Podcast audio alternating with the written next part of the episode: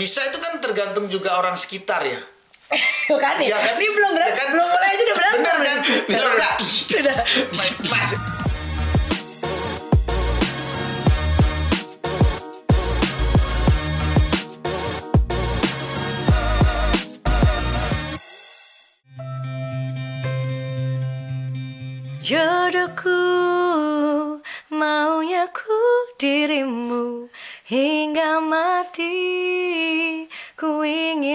bersamamu, ini ikrarku.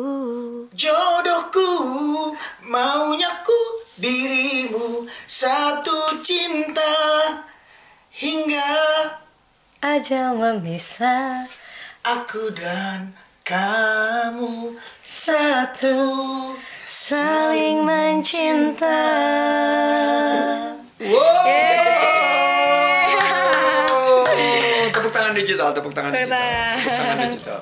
Mas Anang dan Bunda Ashanti. Yes. How are you guys? Apa kabarnya? senang lah Senang. Fine, senang happy. Welcome to podcast Ruang Sandi. Akhirnya. Akhirnya Ya kita bener, aku senang banget kita terhormat banget lah. Eh, Sama Pasangan dong. terromantis dan Iya. yang setiap pagi kita dijejelin sama anak saya Sulaiman dengan konten-konten kalian. Jadi Iya. gimana new normal nih? buat aku sangat bagus karena sudah terjadi kita nggak bisa ngeri balik lagi ada hal yang baru bahwa kita harus memperbaiki budayanya yang biasanya nggak bawa sanitizer nggak pakai ini Masker. sekarang jadi pakai apa pun buat aku ini menyenangkan untuk ke, ke depannya Lockdown berapa bulan tuh di rumah? empat bulan Empat bulan. Empat bulan. ya? empat bulan lockdown Dan itu malah jadi kreativitas konten-konten itu ya. kreativitas dan kita jadi kontennya tuh jadi bener-bener lebih berwarna gitu karena kan memang di rumah terus kayak bikin kehaluan-kehaluan yang kita nggak bisa naik pesawat kita tiba-tiba bikin kita dari pesawat terus kita nggak bisa liburan kita tiba-tiba bikin sama anak-anak itu kita kayak lagi liburan ke mana gitu Tapi itu kreatif banget sih. Menurut saya ya ada kebersamaan, ada uh, relating sama apa yang kita hadapin gitu. Terus main game sama-sama di Iya, depan iya, TV. iya, iya. Seru banget gitu. Sekarang udah aktif lagi ya. kayak show hari ini baru dibuka kemarin izinnya masih belum ada contoh ya Iya. kayak apa yang terjadi padahal padahal ada satu budaya baru akan lahir sebetulnya yang bisa menjangkau seluruh Nusantara yaitu live pakai digital Iya. Hmm. itu kan sebetulnya ada ya aku lihat Mas Faris RM kemarin show itu di- ditonton udah hampir 200 ribu orang yang kalau kita show beneran Mana bisa? Gimana Dua, caranya? dua, Dan tiga GBK itu. Gimana itu? Tiga GBK. 200 sih. ribu. Iya, iya, iya. Bayangin Betul. kan? Betul. Usaha seperti ini kan sudah di banyak yang memulai. Memang belum eh, nggak tahu nanti infrastruktur ke depan mengenai internetisasinya kan apakah benar-benar bisa mumpuni di rumah nontonnya kalau pakai layar lebar nanti tidak ada lag, tidak ada Iya, apa. Mungkin bisa kalau itu terbangun ke depan mungkin itu budaya baru yang sebetulnya banyak menimbulkan pendapatan buat seniman karena kalau dihargain nonton konsernya cuman harganya 25.000 ribu say, atau 10.000 ribu Hmm. satu keluarga nonton dan Iya. cuma 10.000 ribu loh Iya. tapi 10 ribunya itu 273 juta rakyat Indonesia bisa mengakses kalau benar-benar 200 ribu nonton 10 ribu kali 200 ribu lumayan Lumayan. bayangin mas kayak band hari ini Indonesia yang paling mahal kemarin Noah Wah ya. Noah paling mahal 200-300 juta Hmm.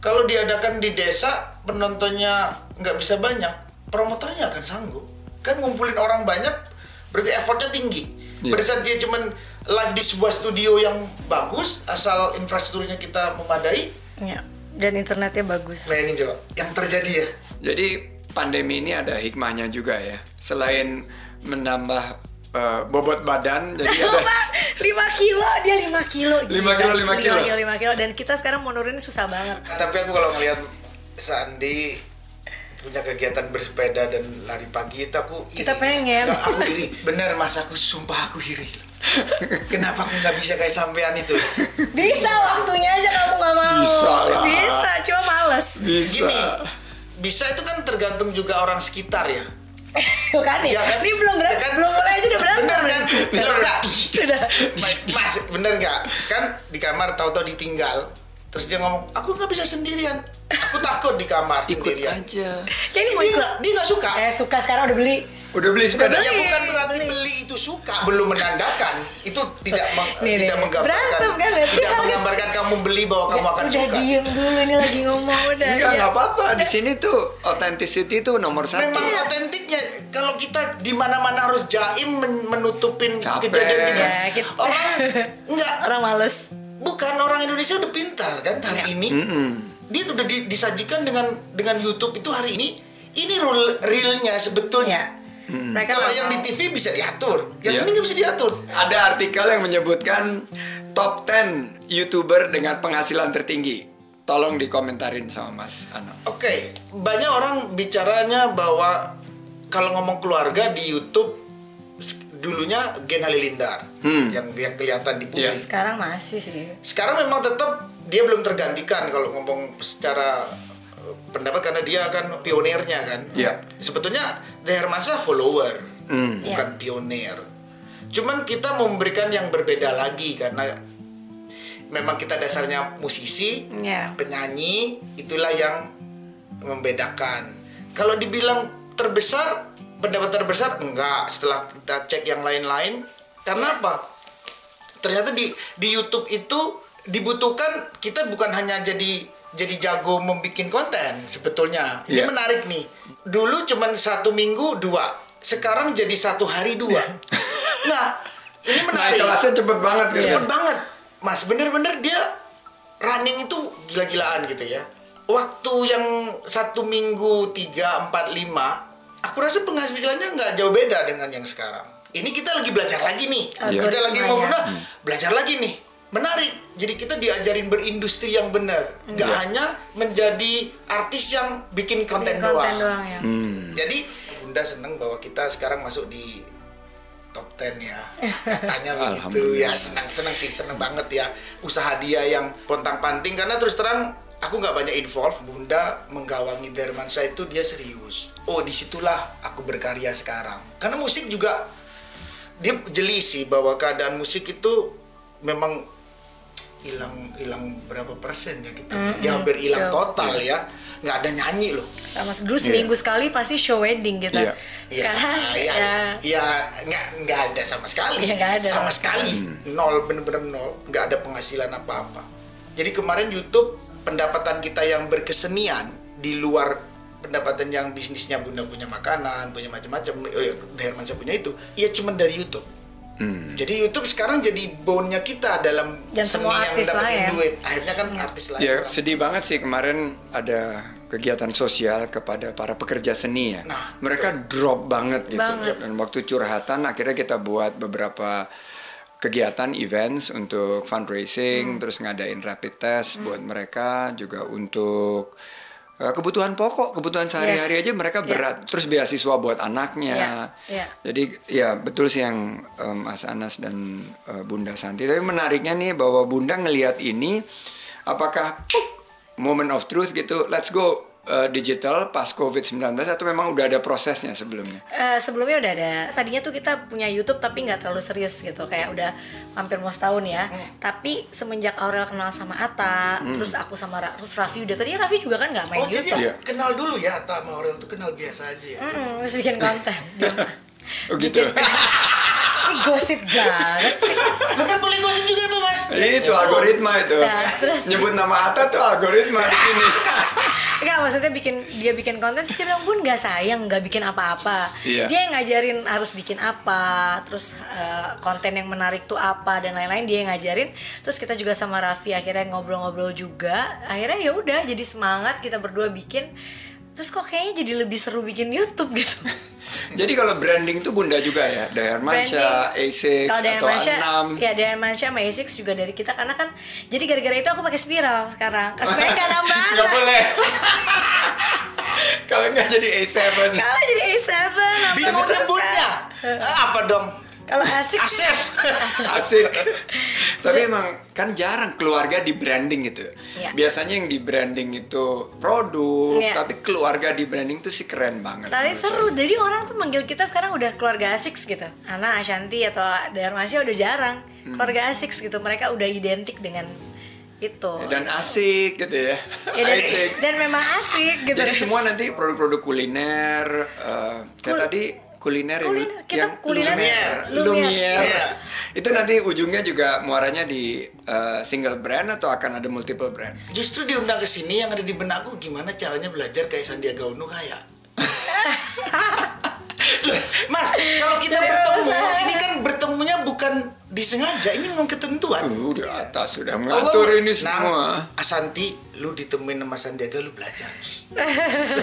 Mas, kita punya brand dia sebagai visioner, brandnya dia bagus semua. Dia serius. Ngomong menyusun itu semua untuk menjadi sebuah brand yang nasional. Indonesia ini butuh hari ini punya brand-brand nasional yang bisa kompetisi dengan brand masuk ke sini. Kan Betul. itu sudah sebuah isu lama mulai Betul. zaman pemerintahan Pak Harto. Kepingin kita punya brand-brand lokal yang kuat di dalam Betul. negeri karena Sekarang- penduduk besar.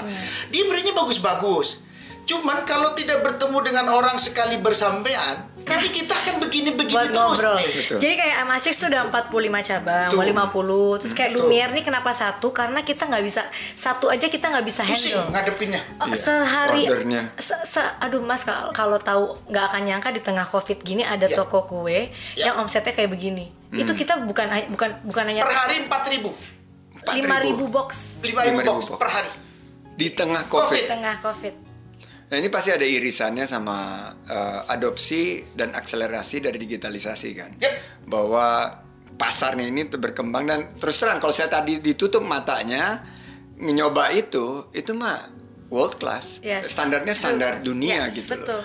Eh, ini guys saya nggak bisa nyoba.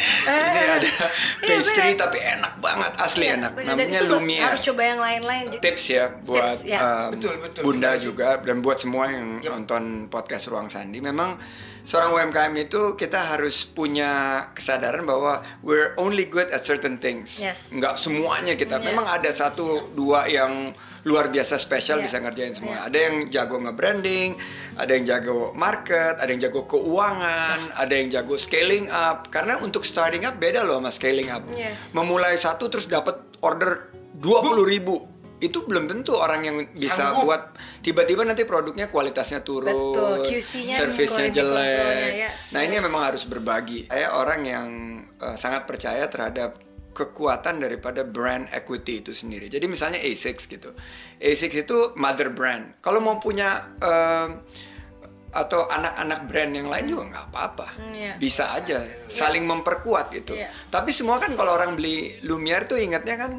Ya, A6 Bunda, Family. Tapi, A6 Family. Iya, karena kita memang sengaja nggak mau pakai nama A6 gitu. Karena kita kan kayak pastry gitu, kayaknya nggak terlalu cocok misalnya dengan nama. Kita nggak mau maksain Tapi Lumiere juga. itu artinya apa? Lumer. Oh Lumiere. Lumer. ada artinya ya. Enggak, Bahasa yang no, ada. no, sebenarnya lumer, Lumer, lumer, di mulut. lumer. Pas kita mau daftar hakinya, udah dipakai orang. Oh. Jadi kita kayak mikir apa yang apa yang men- Jadi mendekati. Jadi kayak lumiere gitu kan ada Lumiere. ada French Frenchnya tapi Tapi ada artinya Tapi- sih cahaya. Kalau lihat A6 konten-kontennya kan selalu di rumah. ya Arti rumah, homey itu buat keluarga A6 itu apa? Comfortable banget gitu loh konten-kontennya. Yang bagian daripada the new economy ya. yes. Kita melakukan apa yang kita sukai dan Di generate begitu tinggi viewership. Ya, rumah ya bukan hanya dulu kan tempat kita istirahat, tempat Hmm. kita berkeluarga apa apa ya, sharing dengan anak-anak. Sekarang udah tempat kita bekerja. Jadi kayak rumah sekarang udah benar-benar bukan hanya tempat kita istirahat, tapi tempat kita bekerja, tempat kita main, tempat kita semuanya. Kalau aku dari awal, rumah adalah tempat kreatif dan inspiratifku di situ. Sekarang tidak ada lagi pemisahan kita kerja itu di luar rumah, Ya. tapi kerja itu malah di rumah dan Ya. ide, inspirasi, Produktif malah. kreasi dan Semua dari inovasi rumah. itu dari rumah. Iya. Nah, apa yang eh, saya rasakan nih ya karena saya nonton konten-kontennya A6 gitu adalah kebersamaan, terus ya fun banget gitu Iya, loh, iya. terus ya komentarnya yang ya Iya. nggak nggak pernah terpikirkan gitu. Iya. Tapi beneran serius. Tapi nilai-nilai dalam keluarga A6 ini yang apa yang ingin diberikan khususnya untuk pembekalan ke anak-anak. Ini kan konten akan dilihat sama anak-anak cucu kita kalaupun nanti kita udah nggak ada gitu. Ada jejak digital ya. ada jejak digital which is sekarang bahaya banget ya namanya jejak digital. Jadi kita berusaha terkadang kita mau ngikutin misalnya alurnya konten yang lagi bagus tuh apa misalnya prank atau apa apa kadang kita ada batasan-batasan tertentu yang kita nggak bisa ikut terlalu jauh di konten-konten orang lain. Karena kita itu yaitu ada anak kecil terus kita terlalu banyak berpikir untuk kita udah mulai bisa sih dulu makan omongan pokoknya nggak mau bikin konten yang gimmick gini gini gini gini gitu. Kadang kita ada makan omongan juga karena sekarang orang mau nonton yang agak-agak harus di nggak bisa terlalu kita blast gitu kasih lihat ke mereka. Jadi banyak yang akhirnya kita berubah dari haluan tapi kita tetap punya aturan yang bahwa kita nggak bisa ada limitnya nih kita nggak bisa go through that gitu. Karena itu nggak sesuai dengan kita dan kita akan ditonton nih jejak digital ini oleh anak cucu kita gitu Kalau Mas Anang sendiri mimpi untuk A6 nih, untuk keluarga ini apa nih mimpinya nih? Aku ingin memberikan bahwa konten kreator ke depan itu adalah kalau hari ini seperti zaman pemerintahan 73 tahun Indonesia Merdeka tambang dan pertanian katanya. Tapi buat aku justru Indonesia itu jaya dengan konten itu. Kenapa? Ada pertemuan dari 1300 suku bangsa. Nggak ada capture kita yang bisa melihat budaya sebanyak itu dalam sebuah negara. Kita punya berapa daerah coba? Kita punya 17.000 pulau. 34 provinsi, 34 provinsi. 600 suku Yap. bangsa, Yap. mungkin 700 bahasa. 777 bahasa aktif. Nggak ada postur itu. Apa yang aku kasih ke anak-anak hari ini bahwa konten kreator nanti itu akan jaya di republik ini. Tidak hanya yang sudah disebutkan itu, itu sudah memang diberikan dari sananya oleh Allah. Ini loh ke- Indonesia itu kayak begini, kayak begini, kayak begini. Gak akan habis masalah ini. Tapi kalau orangnya dibarengin dengan kreatif yang luar biasa, Indonesia menjadi negara dikdaya 50 tahun atau 100 tahun yang akan datang itu terjadi. amin Aku ngeliat Sandiaga Uno aja, orang muda tapi punya kehebatan dalam berbisnis itu bukan kaliber nasional, udah internasional. Bayangkan seorang Sandiaga Uno yang masih muda, dia mau terjun bener untuk membenahi industri konten di Republik ini. Hmm. Kita lihat 5-10 tahun akan datang, apakah nggak kebalik?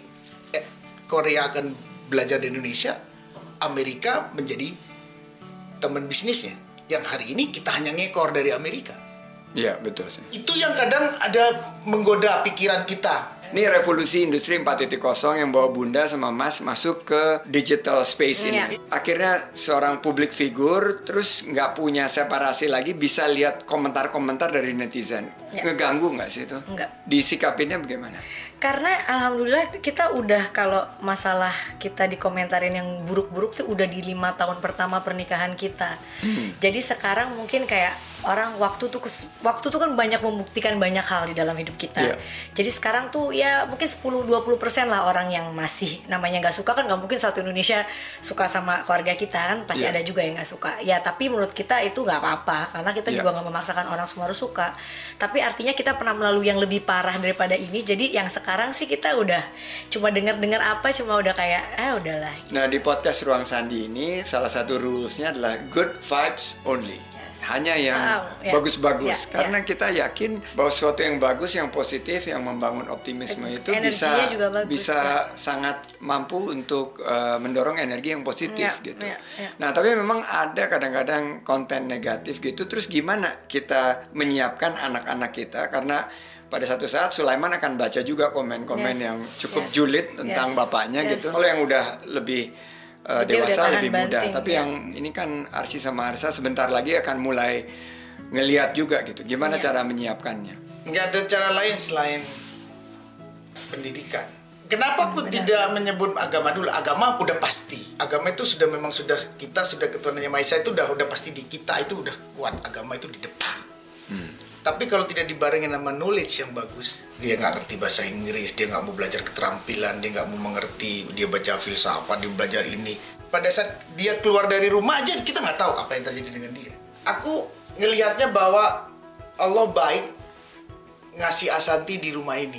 Kalau nggak Asanti, gimana nasibnya Aurel sama Azriel? Hmm. Nah itu terrefleksi.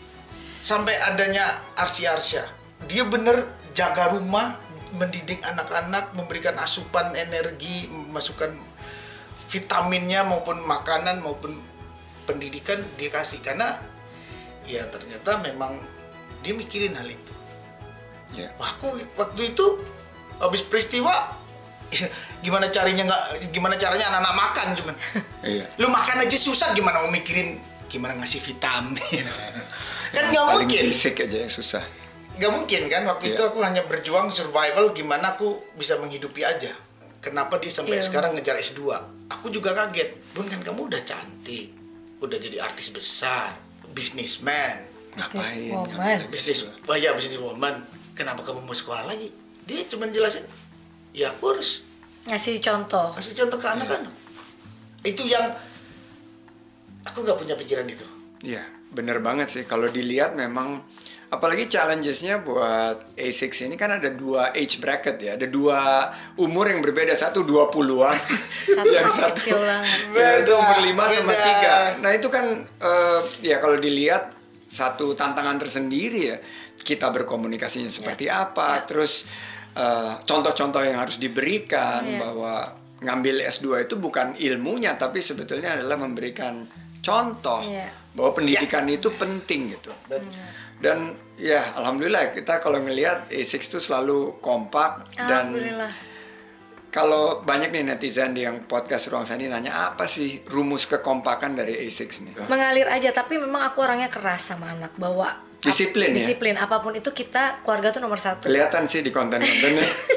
keluarga tuh nomor satu karena sekelas Azriel Aurel Takut. diajak liburan ke Bandung mau Mau. padahal dia punya dunia sendiri hari ini Iya. sampai hari ini sampai hari ini ke mana pun kita pergi mereka harus selalu ikut dan mereka don't mind. Karena Alhamdulillah banget Iya, ya. tapi aku once They're mereka good kids ya. I have a good kids banget banget. Eh, alhamdulillah. Tapi kita we never know yang kecil ya yang kecil-kecil. Mudah-mudahan juga mengikuti jejak kakak-kakaknya gitu. Tapi yang paling penting karena aku selalu bilang kamu suatu saat kenapa-kenapa yang ada buat kamu hanya keluarga. Hmm. ya lingkungan temen apa tuh cuma hahi se- se- sementara gitu dan mereka kayak iya ya gitu jadi mereka curhat nangis sedih apa berantem ya itu di rumah Nah, guys, kalau penasaran, langsung kita terhubung melalui teknologi dengan Aurel dan Azriel. Kita tanya langsung nih, gimana A6 itu kompak banget.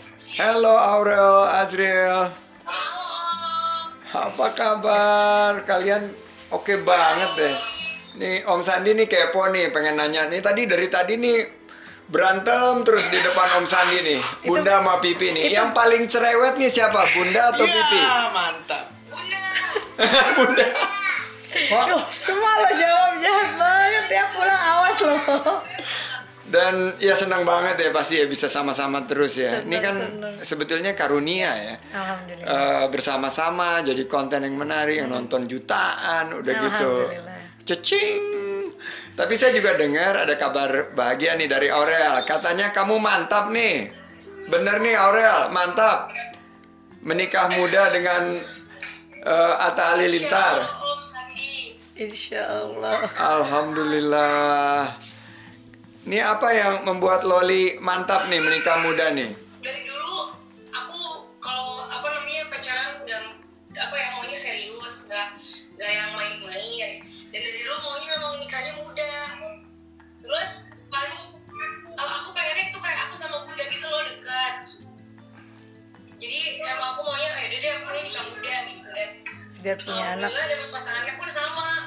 Atta waktu itu duduk di sini kita banyak ngomong mengenai konten itu anak punya ya Hmm, ya. out of this world lah Iya, dia iya. pikirannya mungkin dua tiga eh, babak di depan kita iya. karena dia berpikirnya sangat eh, diametral. Kalau kita kan lateral Iya. Eh, anak-anak sekarang betul diametral. tapi mereka. Bunda sama Pipi ini em, bisa legowo melepas eh, anak untuk kawin. Saya juga akan ngalamin hal yang sama sebentar lagi. Enggak dia nggak lego Pasti ada rasa was-was ya, takut ya kali ya. aku pengennya Aurel bener-bener siap gitu saat dia nikah muda. Secara segala sesuatunya tuh harus bener-bener siap. Bukan hanya kalau dulu-dulu kan pokoknya mau nikah muda gimana caranya kan nggak bisa gitu. Dan belum tentu laki-lakinya memang sesuai seperti yang bisa membawa dia ke arah yang lebih baik gitu. Nah kalau sekarang eh, misalnya memang eh, karena Ata serius aku juga tahu background keluarganya ya udahlah mungkin kalau emang jodohnya Ata ya sama-sama bisa kerja bareng kan mereka sama-sama sama lah dunianya gitu Apa yang bisa di eh, dititipkan nih untuk melepas masa lajang ini? Aku hanya bisa berpesan bahwa once kakak udah nikah, kakak udah bukan tanggung jawabnya kita lagi. Artinya kakak udah nggak bisa kayak kalau berantem biasa bunda apa? Maksudnya kalau kayak sekarang kan masih bisa ngobrol gitu. Kalau nanti kan udah punya suami, udah ada imamnya sendiri, nggak bisa sedikit-sedikit ke kita, ke, rum- ke kita. Tapi biasanya anak pertama itu dekatnya sama bapaknya, benar Oh, ini cinta matinya Anang gitu Aurel. iya. Iya sama. Heeh. Gimana Mas? Aku tahu Aurel akan akan akan sama suaminya nanti dan aku orang yang punya prinsip terhadap pernikahan. Aku bilang sama Aurel pesannya cuma satu. Kalau kamu sudah menikah, kamu harus ikut imamnya Harus ke mana pun, karena surganya kamu hanya di situ. Jangan Jadi itu. jangan bikin jangan jangan kamu jangan kamu membingungkan imam kamu. Kalau kamu mensupport suamimu imam kamu, ya surga. Kita hanya sekarang menunggu dan mendoakan. Kok dia bilang kok menunggu? Ya iya. Kenapa? Jodoh emang tahu. Hmm. Ya rahasia Allah itu. Makanya kalau ditanya dia selalu dia tahu bagaimana aku sama orang. Kayak aku merasa kehilangan berat. Sadar. Oh, berat loh, Kak. Uh. Tapi itu memang harus terjadi kan. Gak bisa lagi aku ke- harus terima kenyataan. Seberat apa pun aku terima kenyataan itu. Aku hanya bawa amal. Aku cuman diselamatkan oleh doanya anak-anakku. Hartaku tidak menyelamatkan aku karena malaikat tidak tanya kekayaan kamu apa. Enggak. Makanya itu penting punya anak-anak yang harus dikasih ilmu. Iya. Anak-anak yang soleh dan soleha. itu makanya sesuai dengan yang Pak Santi ngomong aku. aku kita ini memang Tom and Jerry tapi kalau diskusi gitu-gituan kita diskusi benar Iya. kadang sampai ya anak-anak ngapain sih berantem bukan berantem Ngobrol itu. Diskusi. Diskusi.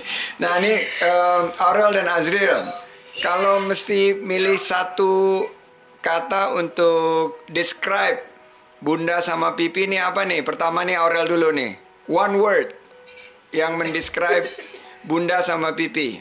Hanya satu kata. segalanya. Kalau Azril gimana Azril? Bunda sama Pipi ini one word. Jadi ya memang itu ya ungkapan rasa cinta ya. Spontan, And ya. spontan dari anak-anak dan ini luar biasa banget. Aurel, thank you very much. Azril, makasih banget. Makasih Arsy dan Arsya juga. terima kasih kakak Arsy dan thank you Kakak Arsy mau ada yang mau disampaikan nggak Kakak Arsy ke sini? Om Dandi ke sini dong Insya Allah nanti sama Sulaiman aku.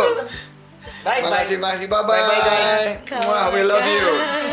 Bener-bener luar biasa ya kekompakannya walaupun terpisah dari eh, teknologi elektronik. berempat gitu. Ini terakhir, hal apa yang ingin keluarga A6 atau A6 ingin sekali dilakukan tapi per hari ini eh, belum tercapai? aku ngomong dulu bahwa kita udah siapkan Hermansyah Foundation dan ingin kita melakukan Iya. hal yang luar biasa dengan Hermansyah Foundation karena aku ingat bagaimana cita-citanya Asanti ya itu ditularkan ke anak-anak kemarin nyelamatin anak Sebelum ada YouTube ya? kanker Oh, itu iya. belum ada YouTube Ya, Iya, kanker sebelum ada mata YouTube. dari NTT Ya aku lihat juga. Iya. kita bawa kita sampai selesaikan kita ingin lebih banyak Iya. bisa melakukan itu satu dunia pendidikan kita juga ingin terjun bisa membantu sekolahan kita kan nggak cukup dana pemerintah juga nggak cukup terhadap pembangunan pendidikan di Indonesia itu juga kita punya visi di situ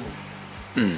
kepingin melakukan hal itu jadi ingin kita sekarang mungkin ini momen baik juga ingin kita membesarkan Hermansyah Foundation ke depan untuk bisa menjangkau seluruh Indonesia membantu. Hermansyah Foundation ini didesain untuk membantu, Membantu eh, orang masyarakat lain. Yang memang kurang mampu dari Tidak mampu. sebenarnya udah dari beberapa tahun yang lalu sebelum ada YouTube kalau dulu kalau nggak ada YouTube kan Ya, kita nggak bisa bikin, bikin konten bisa kan konten. sekarang kita sekalian bikinin konten dengan ya karena itu yang juga menginspirasi buat. yes dengan Ya, konten-konten yang tersebut. hari ini kita Ya. lakukan secara pribadi nih idenya Bunda bagus Kita udah ada banget empat dan anak asuh ngajarinnya lagi, dan ya. ngajarin anak-anak juga. terinspirasi kita semua dan teman-teman mudah-mudahan para pemirsa podcast Ruang Sandi juga terinspirasi dan terima Amin, kasih amin, udah amin. mampir di Sama-sama. podcast Ruang Sandi. Sama-sama. Kita tentunya sangat-sangat tersanjung eh, bisa dikunjungi oleh pasangan terromantis. Nah, pendengar podcast Ruang Sandi, kadang secara kita tidak sadari kalau semua berawal dari rumah ya sesuatu yang baik dari rumah, sesuatu yang kita jalankan dari rumah, dan apa pun yang terjadi di luar sana, rumah akan jadi tempat yang paling melindungi kita dengan kehangatan antar anggota keluarga seperti yang kita lihat di Asik tadi, dengan kasih sayang tiada putus dari kedua orang tua dan anak-anak yang selalu memberikan segalanya kepada kedua orang tuanya. Tadi saya mengutip Aurel dan Azril segalanya. Dan dengan ilmu yang diberikan orang tua, insya Allah mereka akan menjadi anak-anak yang soleh dan soleha. Amin. Semoga semua teman-teman tidak lupa untuk kembali dan memuliakan rumah kita masing-masing. Yes. Terima kasih sudah hadir di podcast uh, Ruang Sandi. Thank you. Sampai jumpa di podcast Ruang Sandi berikutnya. Sekarang kita foto-foto.